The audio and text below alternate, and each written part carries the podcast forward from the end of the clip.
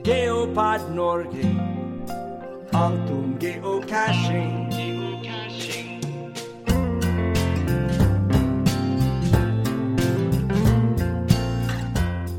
Geopod Norge er en podkast som tar tempen på geocaching i Norge. Dersom du ønsker å bidra med innslag, ta kontakt med oss på geopodnorge at gmail.com eller via vår nettside geopodnorge.no. Der vil mer enn gjerne høre fra deg. En eh, stor takk til våre sponsorer. Geopod Norge er sponset av interesseorganisasjonen Geocaching i Norge. Bli medlem og støtt oss og andre geocachingaktiviteter i Norge. Vi er også støttet av geosport.no, butikken for geocachere, og garmin.no, Jull Bilas Pilatis.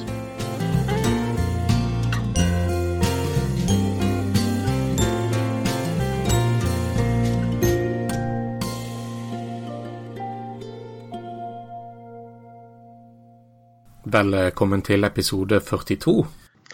Det nærmer seg raskt mot påske, og jeg vet at eh, dere lyttere dere gleder dere til påska.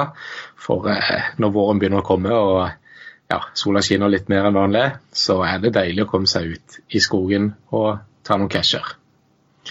Vi eh, tenkte vi skulle ta og starte med litt nyheter om geocaching. Og Irene, du er på saken. Ja, eh, siden sist så har jo HQ sluppet um, en utvida periode med det her Wonders of the World. I fjor var det jo Modern Wonders og Ancient Wonders som ga suvenir. I år så er det Natural Wonders og Solar System Wonders som er eh, klistra på noen casher igjen. Så eh, for å samle de her, så kan en eventuelt bruke søkefilteret og se hva slags underverker da, som henger ved de ulike cashene. Som i, som i fjor, så må en eh, først samle sju Natural Wonders, for så å løse opp Solar System Wonders og samle de sju. Og da får en eh, til slutt da Ultimate Explorer når du er fullført av det. Så eh, nok et lite suvenirslipp fra HQ der, altså. Jo, spennende. Og eh, jeg vet også du har eh, mer spennende som ligger klart her.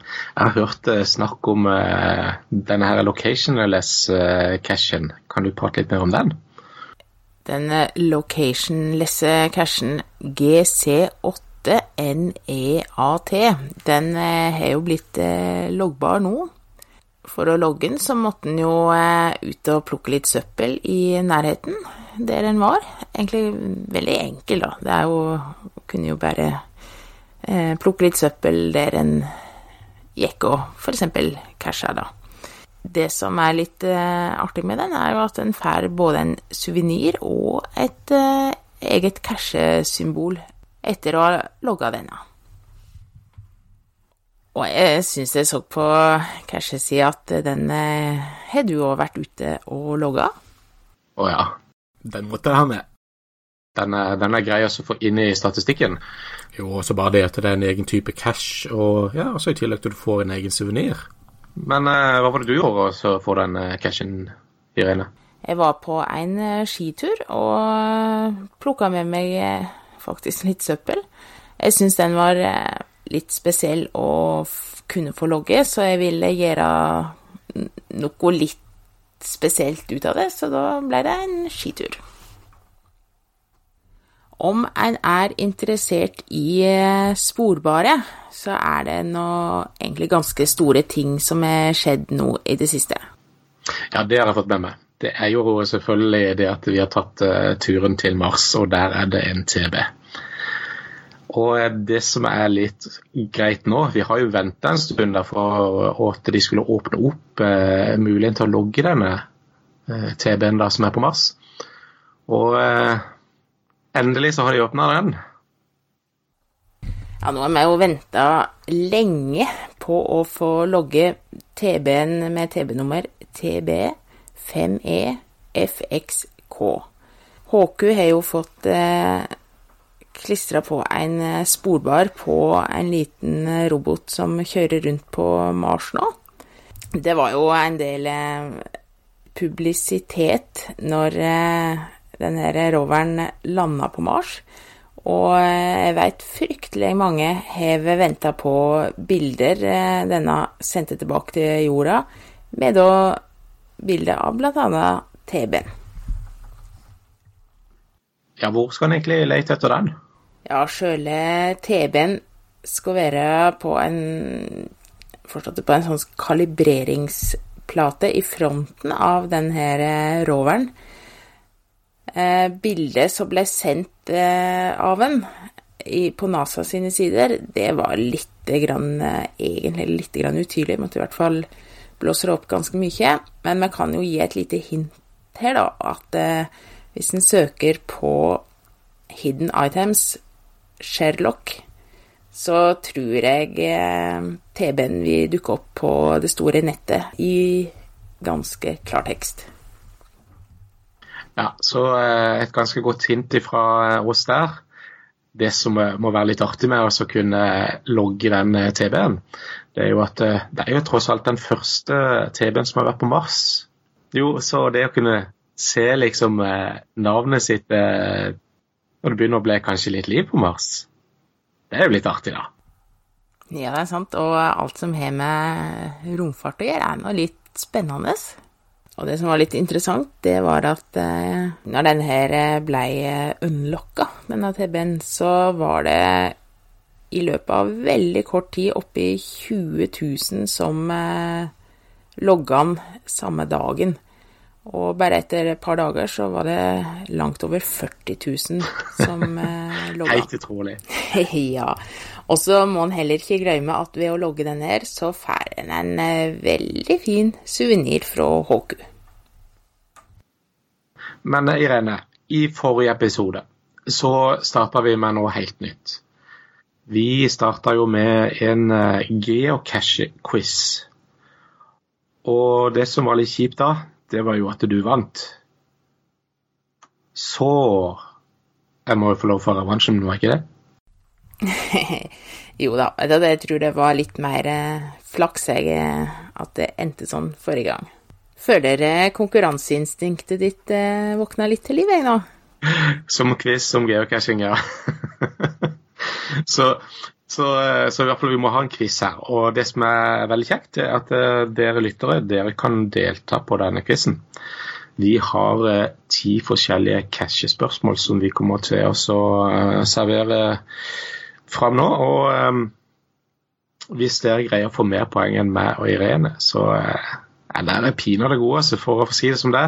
Irene hun er, hun er utrolig flink når hun kommer til geocaching. Jeg er sånn midt på treet. Så eh, er du pro eh, og klarer å slå oss nå, så eh, all respekt, altså. Men vi har også lagt til en del nybegynnerspørsmål og en del som er litt utfordrende. Så her er det litt for alle sammen. Så delta med oss nå når vi starter vår cashequiz.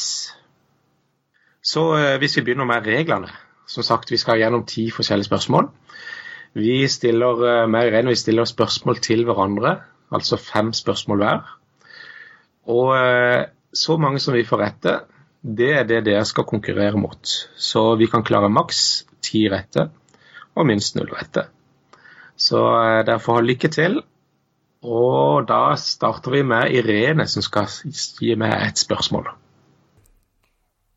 Ja, spørsmål én. Hot stand Sito for?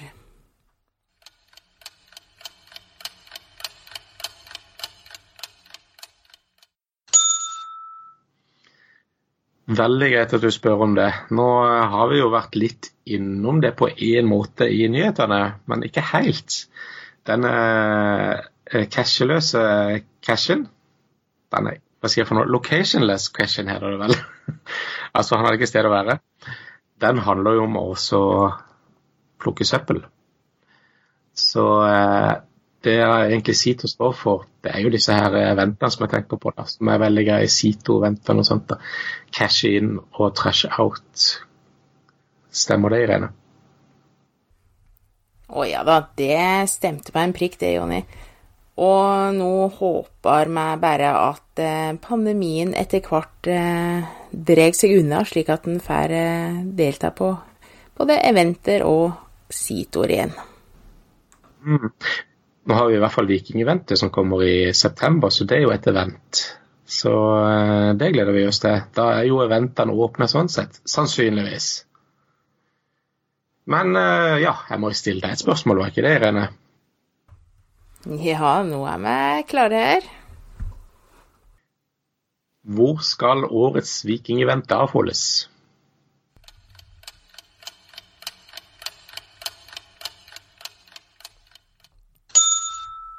Årets vikingevent, ja. Da tenker jeg på fantastisk natur. På kartet, cashekartet mitt så er det helt grønt. Ingen casher tatt. Jeg sier Sandnessjøen. Ja, det hørtes jo så korrekt ut som det kunne bli, det. Så eh, da får du et poeng av meg her. Skal jeg skrive det inn på computeren her. Og da er stillinga 1-1, og vi har to av to riktige. Så jeg vet ikke hvordan du som lytter ligger an, men eh, det er mange spørsmål igjen uansett hvordan du ligger. Ja, alt er eh, fortsatt åpent, vil jeg sagt, fram til nå. Da kjører vi i gang med spørsmål nummer tre. Hvor mange will attend-logger må det til for at et event skal få status som mega?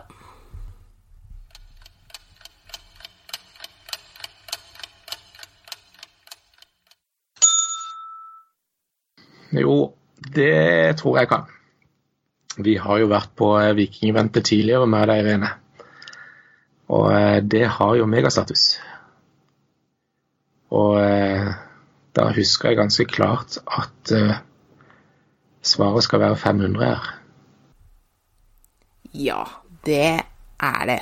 Helt riktig. Kjempebra. Og jeg er òg veldig spent på uh, de mange rette lytterne våre har fengt fram til nå. Skulle nesten hatt ei livesending for å følge med på det her eh, fortløpende. Det hadde vært artig. Det kan vi sikkert få til en dag. Ta en liten quiz der òg. Men eh, åssen er det med 500 når vi er inne på dette her med megastatus? Vi kan jo gå tilbake igjen på Viking Event og prate litt om det.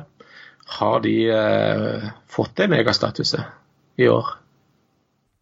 Ja da, Vikingeventet har megastatus. Eh, hvis jeg ikke tar helt feil, det må gjerne noen arrestere meg på, så tror jeg de egentlig automatisk fikk det fra eh, forrige vikingevent.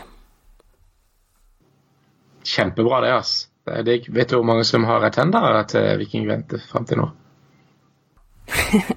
er det neste spørsmål i quizen du er i gang med? ja. Nei, det, det, må vi finne ut av, må vi ikke det? jo. Nei, men eh, det er, eh, det er, i hvert fall eh, mange hundre som allerede er will attended på årets vikingevent. Skal vi hoppe videre? Skal vi ta et, begynne med nummer fire? Ja, det gir meg. OK. Da kommer det et vinterspørsmål. Hva menes med hvite dager?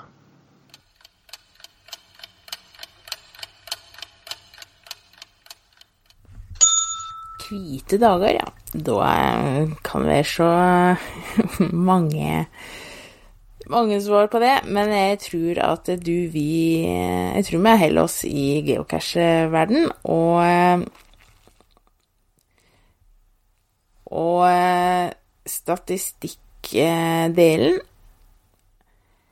den her statistikken var vel kanskje en av de første jeg så på, og i hvert fall klarte å fullføre det er eh, nemlig at en klarer å cashe hver dag i løpet av en måned i løpet av hele året.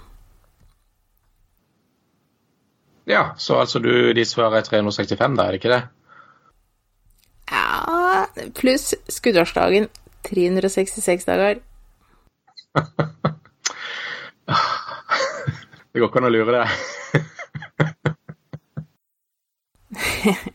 Nei, jeg bare husker jeg var så gira på å få med de skuddårsdagene. Ja, da har vi fire poeng totalt, så det, det er hardt for uh, lytterne våre denne gangen. Men det er jo ikke sånn hver gang.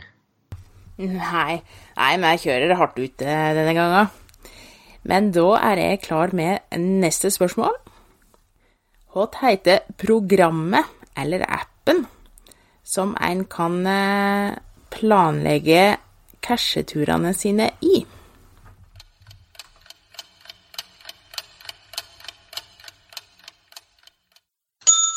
Ja, det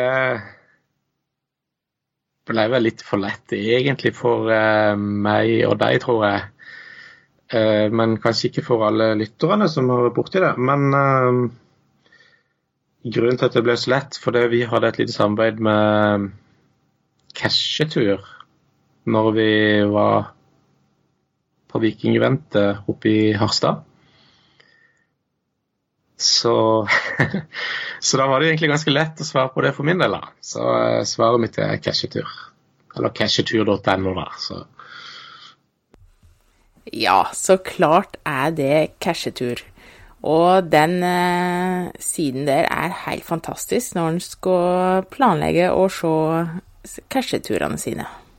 Helt enig. Det, det, er så utrolig mye du kan gå inn på der og, og uh, finne ut av. Så uh, Vi kan altså absolutt anbefale å, hvis du skal ut på en cashetur, å gå inn og laste ned appen. Den, den, trenger å være med. Da legger jeg til ett poeng til meg, og da er jeg oppe i ledelsen igjen. Yes, 3-2 til meg, og vi har fem av fem riktig. Det blir litt vel mye, dette her. Jeg vet ikke om vi har vært litt for snille med, med oss sjøl her. Ja, det var det, da, men nå er vi jo ikke helt ferdige ennå. Nei, vi er ikke det. Så uh, vi ser åssen det går videre her, i hvert fall. Vi satser på Irene bommer litt nå. ja, du er testen min nå, da. Ja. Eh, spørsmål seks. Hva er spesielt med tallet 81 innen geocaching?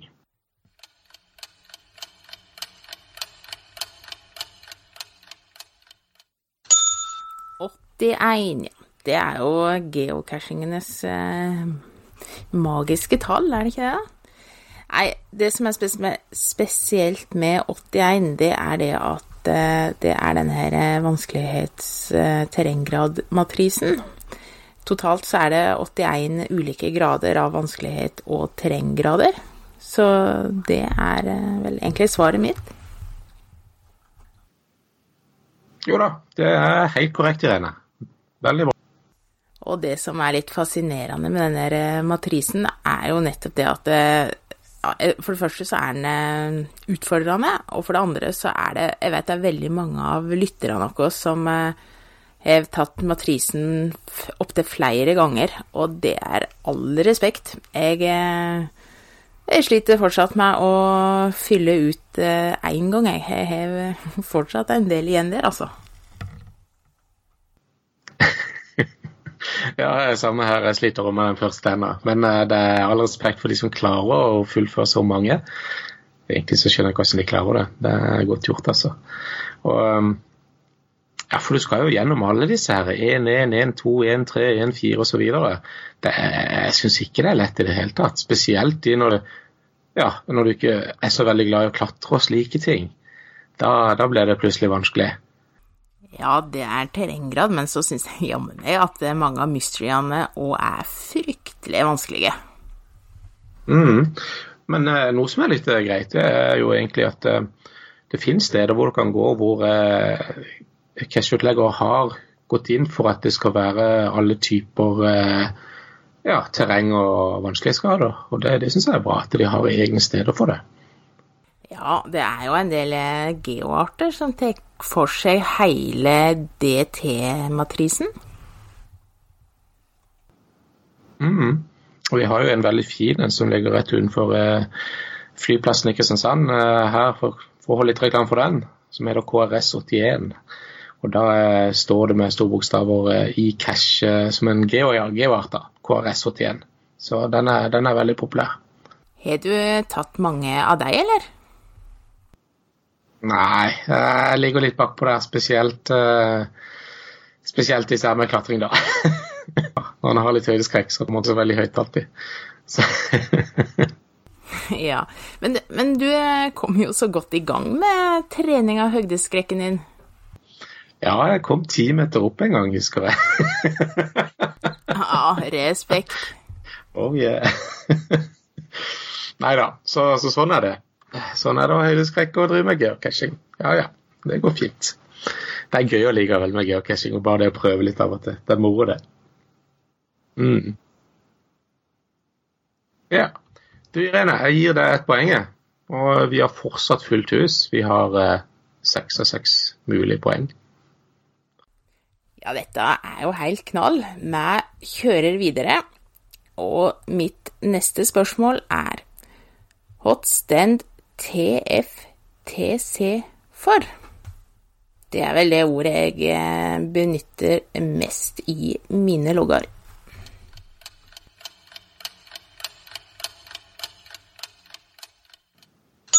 TFTC, nei, TFTC, ja.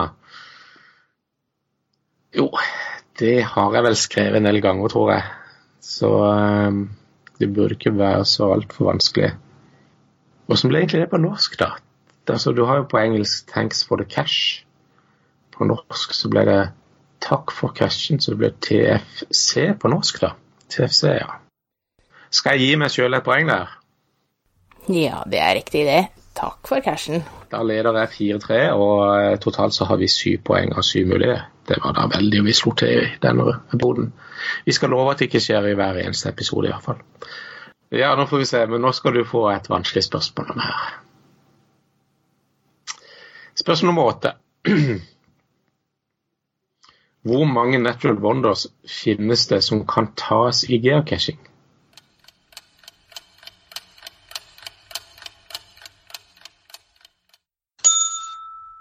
Natural Wonders, ja. Det var meg jo innom eh, helt i starten på denne sendinga, så jeg eh, sier sju stykker. Er du sikker på det, da? Det fins jo uh, Wonders of the World. Wonders of the World, Du har jo uh, flere enn syv på Wonders of the World. Ja, men uh, ikke Naturals. du fikk med deg den, ja. Åh, oh, ja vel. Nei, nei det, det fins syv stykker av Natural Wonders, men um... Du gjorde meg litt usikker her en uh, liten periode. ja, for du har noe som heter Sola System Wonders, og det er syv stykker av de òg. Og de ligger under Wonders of the World. Så, så det fins flere typer, da. Det er korrekt. Så uh, da går jeg inn og gir deg et poeng. Vi er skikkelig tøffe i dag. Vi har uh, åtte, åtte poeng riktig til nå. Så uh, tror du vi klarer full pott, Irene? Vi må nå i hvert fall uh, satse på det. Og da er det mitt siste spørsmål i denne episoden. Hvordan får en en suvenir?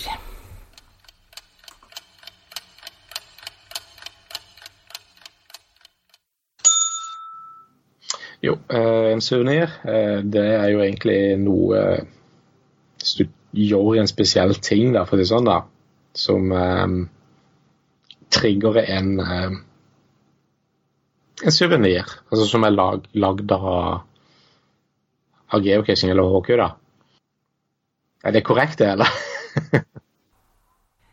Ja, det er helt riktig. For som du sa, så er det Håku som bestemmer slags eh, casher som gir suvenirer. Det kan være kampanjer fra Håku, slik som den her Wonders of the World. Men det kan òg være casher i et land som har, en landssuvenir. Eh, enkelte land, slik som Tyskland og USA, har òg suvenirer for hver av statene i landet. Ja, for det, det finnes jo mer enn det du sa akkurat der, ikke sant?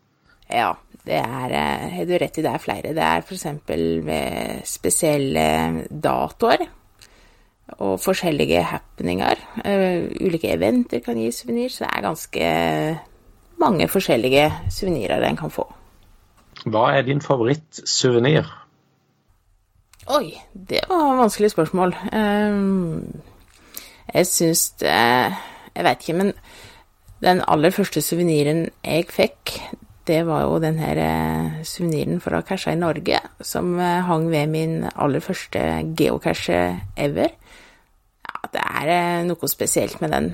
Jeg, jeg syns den var, er fin, og jeg syns det var artig. Og så syns jeg òg den første suveniren jeg fikk for å delta på et megaevent, megaeventet i Oslo 2014, syns jeg òg var litt spesielt og morsomt å ha med seg. Enn du, da? Tenker du på suvenirer når du er eh, ute og casher? Nei, jeg tenker egentlig ikke så veldig mye på suvenirer. Men uh, det var jo veldig moro å ta den uh, som lå på Mars. da, Der var det jo en suvenir som du fikk. Så uh, jeg er jo veldig glad i dette her med alt av verdensrom og alt det der som er der ute. Det syns jeg er moro. Så det å kunne ta inn på, på, Mars og få en suvenir for det, det, det syns jeg var artig, det. altså. Det er veldig greit å tillate en suvenir der, syns jeg. Så uh, det finnes mye moro. Det gjør det. Med suvenirer. Det, det, gir liksom uh, ja, et lite puff at uh, nå må du ut og få tak i en suvenir, liksom. At du kan gå for det. Og det er jo Litt inspirasjon, altså? Ja, liksom. At en blir litt motivert til det. Så det er fint, det. Det er veldig greit. Ja vel, da leder jeg igjen, Irene. Jeg gir meg sjøl et poeng.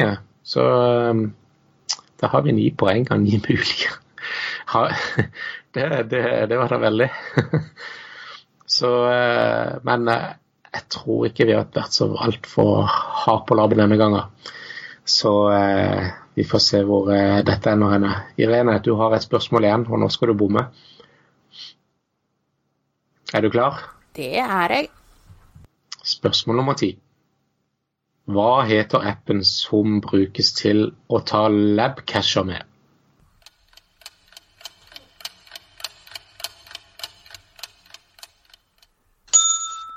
Labcasher, ja. Det har jo blitt en del av de eh, etter de eh, ble så populære. Men appen, ja. Hmm. Sikker på ikke det Det er vel Labbecashen, er det ikke det? Eller Lab-appen, mener jeg. Unnskyld. ja. Ah, eh, men appen, ja. Jeg ser den jo for meg, den her appen, og jeg tror at den heter Adventure Lab, bare. Ja, men det hørtes veldig greit ut. Det er korrekt det, Irene. Ja da. Yes, veldig bra, veldig bra gjort. Men vi må snakke litt om den adventure laben her, altså. Um, bruker du den noe? Ja, appen har vært i bruk mye, og jeg har tatt masse av de lab-cashene som har dukka opp uh, i nærheten uh, i det siste. Og jeg veit at eh, i ditt område i Kristiansand så er det òg et populært innslag i casheverden. De er veldig populære, og jeg har tatt uh, alle uten tatt én, så vidt jeg vet. Så eh, jeg syns det er veldig moro å ta det. Vi hadde jo et lite raid her hvor vi tok tok vel en fem-seks stykker ganger fem, da, så det er på forskjellige steder, så da må du labbe litt her og der. Så det gikk jo en hel dag på det. Så det, det, var moro, det, altså. Og det å ta labcash, det er Jeg syns det er spennende, så. Og så får du jo også labcash, og det er litt stas, syns jeg. Men um, da ble det poeng til deg, Rene. Joho. Men eh, da er jeg eh, spent på sammenlagtdraget. Ja, har du en oversikt over det? Det ble jo gjort. Det ble eh, ti poeng totalt. Eh, vi klarte alle den gangen, og det var ikke forventa, altså. Men eh, det ble sånn. Så neste gang så tviler jeg på at vi kommer så høyt. Men vi er fornøyd. 5-5 og uavgjort. Og så håper vi har stilt spørsmål som har vært litt lette og litt vanskelige til lytterne våre. Ja, det var en eh, veldig eh, fin omgang, det her. Og dere lyttere må mer enn gjerne gi oss tilbakemeldinger på programmet, men òg eh, denne quizen. Eller f.eks. hvis du har noen gode spørsmål som vi kan stille. Det setter vi jo pris på. De kan, kan enten gå inn på nettsida vår, geopodnorge.no, eller på Facebook-sida og skrive en melding til oss der. Geopod Norge, din podkast om geocaching.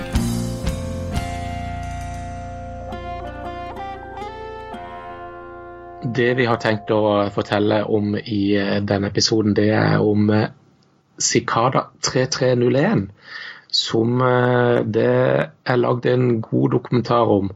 Og det vi lurer på, det er om denne personen kan være en geocacher.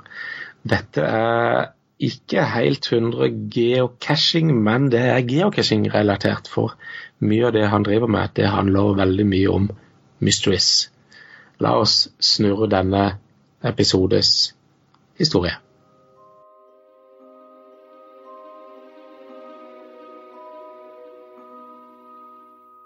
Januar 2012 la en bruker på en chattegruppe ut et bilde til nettstedets populære tavle.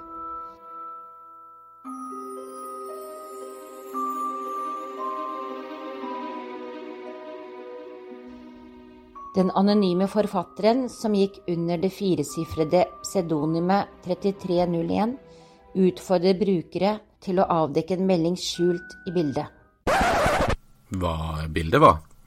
Jo, det var en and, også kjent som en gakk eller en geocache.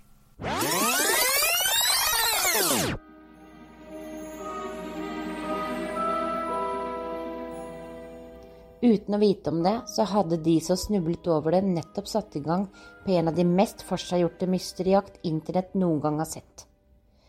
I løpet av få minutter etter at bildet ble lagt ut, oppdaget noen at ved å åpne filen med hjelp av en tekstredigerer, kunne en lesbar tekst bli funnet.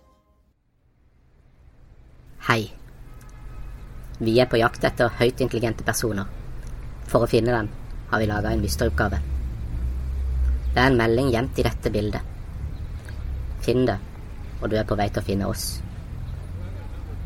Vi ser frem til å møte de få som vil klare alle oppgavene. Lykke til. 3301. Strengen inneholdt en kryptering som når ble dekryptert, dannet en lenke til enda et bilde. Først så dette ut til å være en blindgate, men ved bruk av et program kjent som Outguess var bruker i stand til å trekke ut skjult informasjon innebygd i det første bildet. Den hentede informasjonen førte til en subreddit som igjen inneholdt informasjon om en bok. Boken sammen med en kode kunne da brukes til å avdekke et telefonnummer som, når det ble ringt, spilte denne forhåndsinnspilte meldingen. Veldig bra så langt. Det er tre primtall assosiert med final.jpeg-bildet. 3301 er ett av dem. Du må finne de to andre. Multipliser tallene og legg til en .com for å komme til det neste steget. Lykke til, og farvel.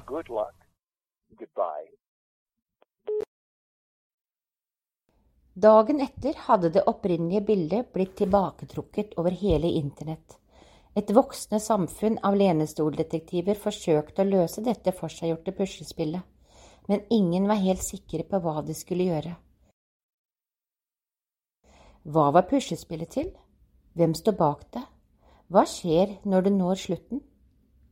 Noen avviste det som en forseggjort vits, mens andre oppfattet kompleksiteten som bevis på at det bare er et troll. Etter kort tid begynte rykter å sirkulere om at dette kunne være arbeidet til et eller annet hemmelig samfunn eller etterretningsbyrå med den hensikt å rekruttere personer som er dyktige i kryptografi, steganografi og andre relaterte felt. Selvfølgelig var det ingenting annet enn et rykte. De to manglende numrene nevnt i opptaket viste seg å være dimensjonene til det opprinnelige bildet. Etter å ha multiplisert bredden og høyden med 3301 og brukt produktet som en nettadresse, ble den ført til et nettsted. Nettstedet besto av en nedtelling i tillegg til et bilde av en sikade. Da nedtellingen nådde null, ble siden oppdatert med en liste over koordinater. Koordinatene pekte på steder rundt om i verden. 14 lokasjoner i fem forskjellige land.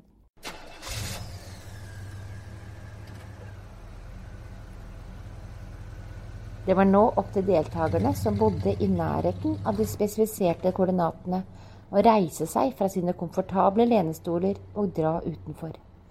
De som trodde at Cicada var et arbeid i en organisasjon, følte nå at deres tro var berettiget. Etter deres mening hadde bare ett internasjonalt kollektiv midler og ressurser for å skape en jakt av denne størrelsen. Dette var ikke arbeidet til ditt gjennomsnittlige troll. Nei, dette måtte være noe annet.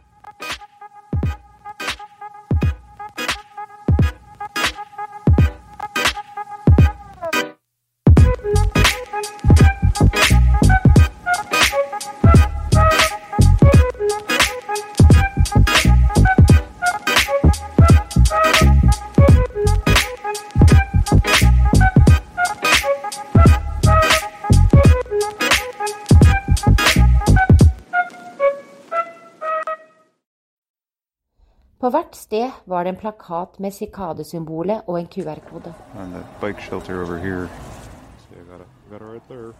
På sykkellyset her borte. Se, jeg fikk det. Jeg fikk det.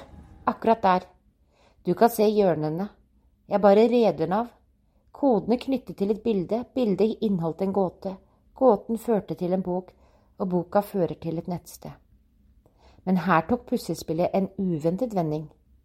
Kun de aller første som logget seg inn til dette nettstedet, ble akseptert til den siste fasen av puslespillet. Nettstedet ble til slutt stengt med meldingen Vi vil ha det beste, ikke tilhengerne. Finalistene ble også advart om ikke å samarbeide med andre eller dele detaljene til denne delen av puslespillet. Ikke alle av finalistene fulgte dette rådet, men de kom til slutten av puslespillet for det.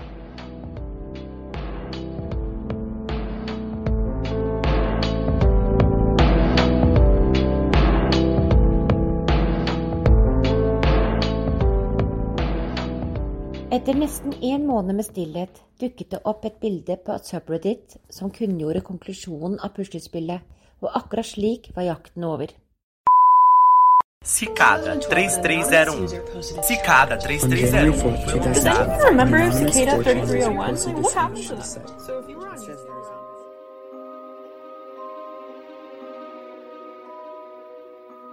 Cicada hadde visstnok funnet de svært intelligente individene de lette etter, og hva som skjedde med dem, er litt av et mysterium, men mer om det om et øyeblikk.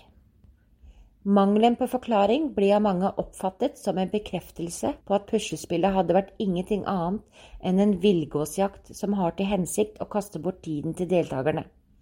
Tross alt forble spørsmålene som ble reist av det opprinnelige bildet, ubesvart. Hva var puslespillet til? Hvem står bak det? Hva skjer når du når slutten? Imidlertid, som det senere viste seg, var dette bare begynnelsen. Hvem nå som sto bak dette intrikate spillet, hadde inkludert en autentiseringskode kjent som en PGP-signatur sammen med alle ledetrådene. Dette tillot brukere å bekrefte at et bilde eller en melding faktisk var fra Cicada, i motsetning til noen bedragere som ønsker å spore eller kapre puslespillet. Sikada hadde flere ganger advart om slike falske veier, og insisterte på at enhver melding manglet en gyldig PGB-signatur, bør straks ignoreres. Derfor ga denne meldingen som kom ut nøyaktig ett år og én dag etter det første, en så stor interesse.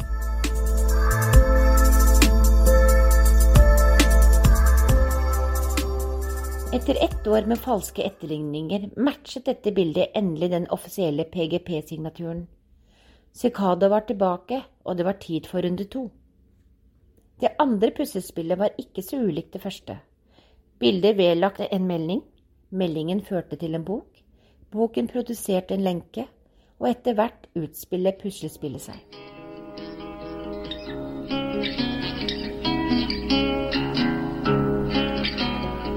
Puslespillet ble det oppdaget et opptaksmusikk med tittelen The Inster Emergence.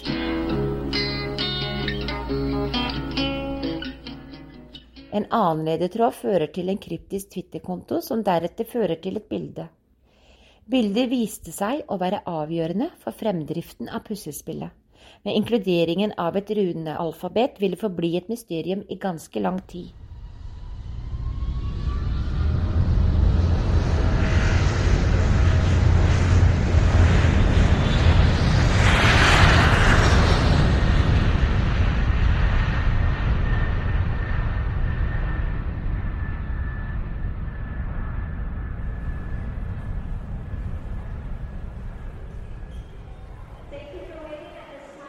I likhet med det første puslespillet svulmet det andre inn i den fysiske verden når en liste koordinater tvang deltakerne til å igjen å ta til gatene på jakt etter gåtefulle plakater. Denne gangen var det åtte steder i fire forskjellige land, men til slutt ble stien kald igjen. De første som kom så langt, ble akseptert inn til den siste private fase av puslespillet. I motsetning til det første puslespillet ble det andre ikke avsluttet med en offisiell melding fra Sikada. Stien ble bare kald, og Sikada forsvant igjen og etterlot oss ikke nærmere en forklaring. Dette var imidlertid fortsatt ikke slutten.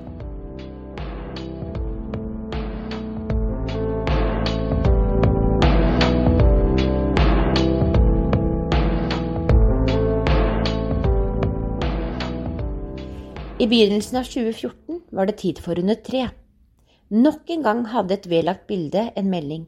Meldingen førte til en bok. Boken produserte en lenke, og det var nokså likt tidligere Mysteries. Det som var forskjellen, var at dette puslespillet så ut til å dreie seg om en merkelig bok. Boken hadde tittelen Liber primus, som betyr første bok på latin, og ble tydeligvis skrevet av Secada. Det runealfabetet som ble avdekket i 2013, ga til slutt mening fordi boken først og fremst ble skrevet i runer. Allikevel var betydningen av de oversatte sidene i beste fall kryptisk. Boken besto av forskjellige filosofiske og ideologiske ideer, og så ut til å være deres manifest. Mange har siden sammenlignet de rare skrifter med en kults. Likevel besto boka også av et mylder av ledetråder og koder. For eksempel rådet denne siden deltakerne til å oppsøke et nettsted på det dype nettet, men nettstedet forble uoppdaget.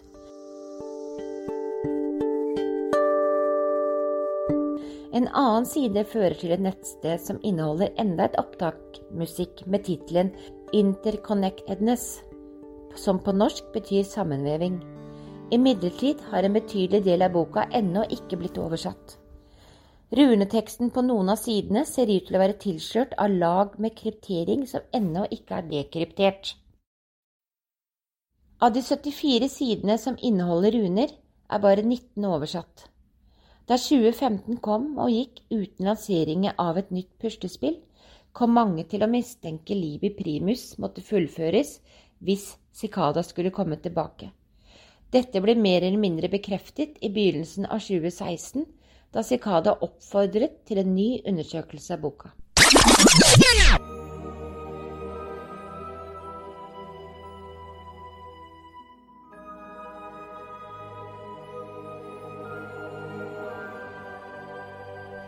Hei. Veien ligger øde. Åpenbaringa søker den dedikerte. Liber primus er hvor det går. Dens ord er kartet. Dens meninger er veien og dens nummer er retningen. Søk, og du vil bli funnet. Lykke til. 3301.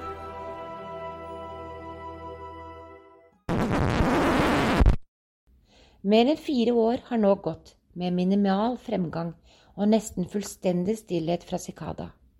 Spørsmål reist av det opprinnelige bildet har blitt ignorert.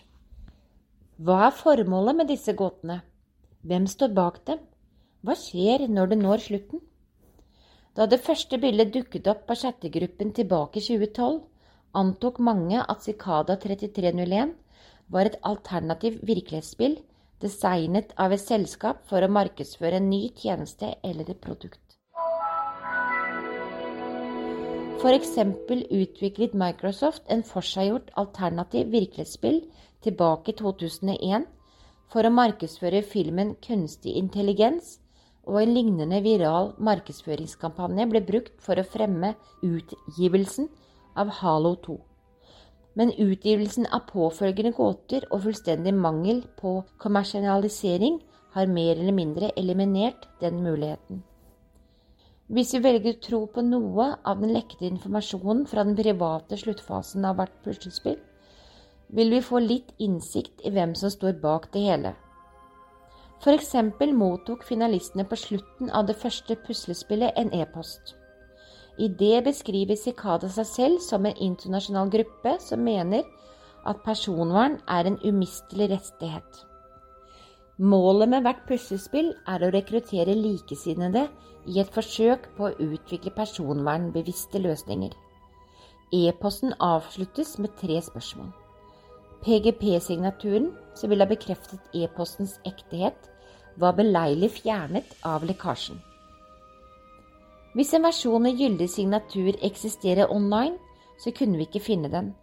Men uansett om det er legitimt, syns vi dette spørsmålet er litt rart. Den lyder Tror du at informasjon skal være gratis?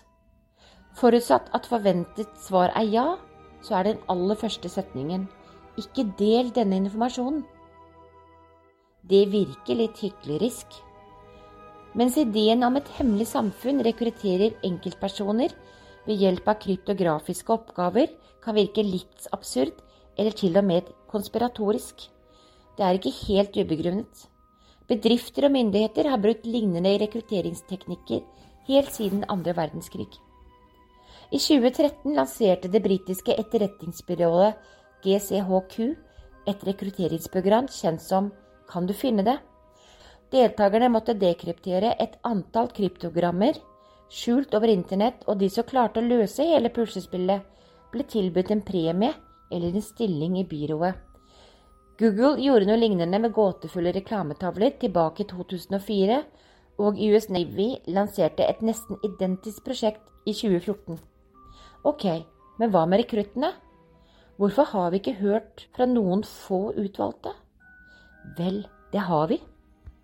Det er bare det å skille en legitim finalist fra en bedrager. Det er praktisk talt umulig. I et 2015-intervju med Rolling Stone skrev to påståtte vinnere av det første puslespillet hendelsene utover den siste fasen. Etter å ha mottatt en e-post fra Cicada ble de ført til et forum på det mørke nettet. Her kunne de kommunisere med rundt 20 andre rekrutter, i tillegg til en håndfull etablerte medlemmer av Cicada.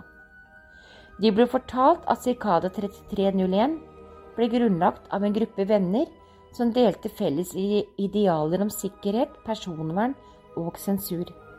Målet var å jobbe som et kollektiv for å utvikle programvareapplikasjoner i tråd med den ideologien.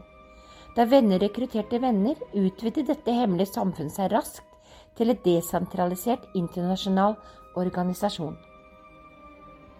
Rekruttene fikk deretter i oppgave å utvikle programvare som passet ideologien til gruppen, og medlemmer av Cicada ville overøke deres fremgang. Men uten at et puslespill skulle løses, mistet rekruttene raskt interessen. Ved utgangen av 2012 hadde alle unntatt én forlatt, og noen måneder senere var nettstedet borte. De hørte aldri noe fra Cicada igjen. En av de to vinnerne, kalt Marcus Banner, utdypet senere i en video av youtuber Nox Populi Videre hevder Nox Populi seg å være vinner av det andre puslespillet, så jeg kontaktet ham, og dette er noe av det han hadde å si. Etter å ha fullført sluttfasen av det andre puslespillet, mottok Nox Populi en invitasjon til å bli med i Cicada 3301. Han ble imidlertid ikke invitert til et nettsted, men ble bare bedt om å være tålmodig. Så, rundt mai 2013, avbrøt all kommunikasjon med Cicada brått. Dette var omtrent samtidig som nettstedet dedikert til vinnerne av den første puslespillet ble plutselig tatt ned. Nox Populi kontaktet senere andre vinnere av det andre puslespillet for å sammenligne notater, og deres opplevelser var identiske. Yeah. All stories were the same. Alle historier var de samme. Vi ble invitert til å bli med i 3301. Så skjedde det noe, og stillhet fulgte en anmodning om tålmodighet.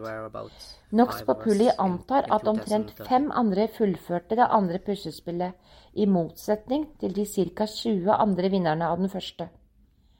Når det gjelder hvem eller hva Cicada er, mener Nox Populi at de kan være en rest av cyberpunk-bevegelsen på slutten av 80- og 90-tallet.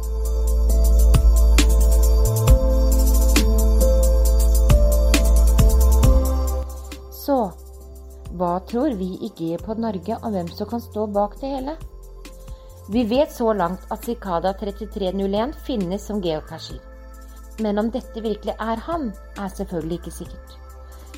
Cicada registrerte seg som geocacher 1.1.2012, altså tre dager før Cicada for første gang la ut sine mysteries på nett. Kan dette virkelig være tilfeldigheter? Tre små dager før det hele skjer? Cicada som geocacher har ennå ikke funnet noen casher. Kontoen bare ligger der. Det er ingen bilder, TV-er, utlegg eller lister. Ingen aktivitet.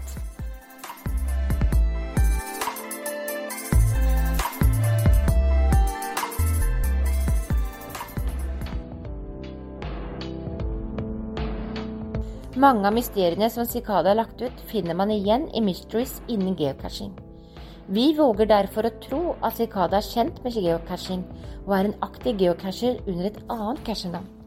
Vi har sendt en melding til Cicada, men svar har vi dessverre ikke fått.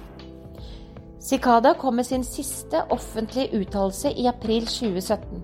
Dette var bare en advarsel mot desinformasjon, men den nåværende statusen til det tredje pussespillet og muligheten for et fjerde forblir et mystery.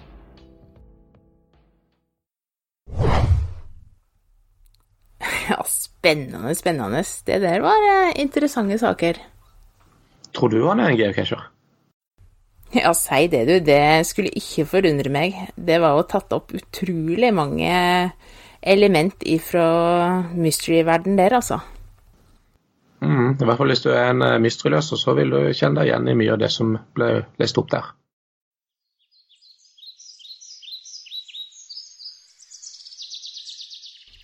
Ja, det var det vi hadde i denne omgang. Da er det påskeferie som står for dyne, og jeg håper at de kan alle få en riktig god påskeferie. Måtte det bli mange funn på alle sammen. Ha en riktig god cashetur.